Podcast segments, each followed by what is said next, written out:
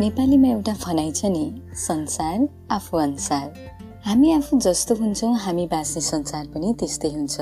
हामी रुखो छौँ खराब छौँ भने हाम्रो लागि संसार साँगुरो र असहज हुन्छ। हाम्रा शत्रु धेरै हुन्छन्। आपद विपदमा हामीलाई सहयोग गर्नेहरू भेटिँदैनन्।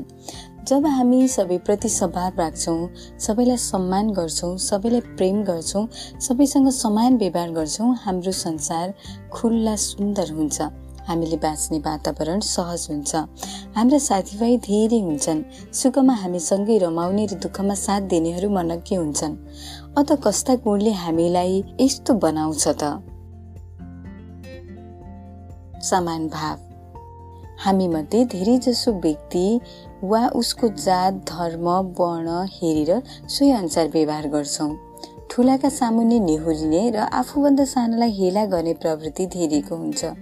यस किसिमको भेदभावपूर्ण सोच राख्ने र व्यवहार गर्ने प्रवृत्तिले अन्तत आफैलाई कुरो बनाउँछ।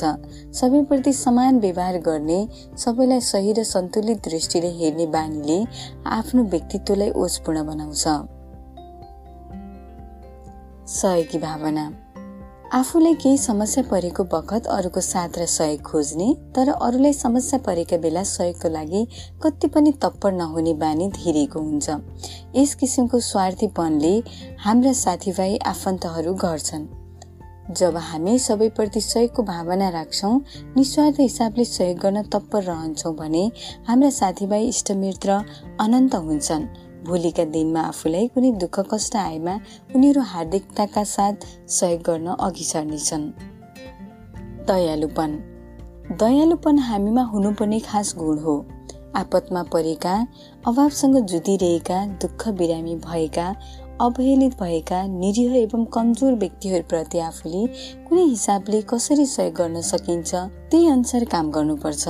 मान्छे मात्र होइन पशु पक्षीदेखि रोग बिरुवाप्रति पनि हाम्रो यस्तै सद्भाव हुन जरुरी छ। जब हामीमा दयालुपन रहन्छ तब नै यहाँ सबैलाई मिलिजुली बाँच्नका लागि सहज हुन्छ।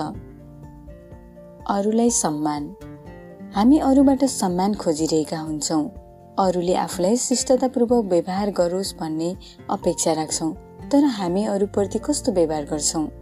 भनिन्छ नि हामीले अरूलाई जस्तो व्यवहार गर्छौँ हामीले पनि सोही अनुसारको व्यवहार प्राप्त गर्छौँ। यदि सम्मान गर्ने अरूको अस्तित्वलाई स्वीकार गर्ने हो भने हामीलाई पनि उनीहरूले सोही अनुसारको सम्मानित व्यवहार गर्नेछन्। अरूको कुरा सुन्ने।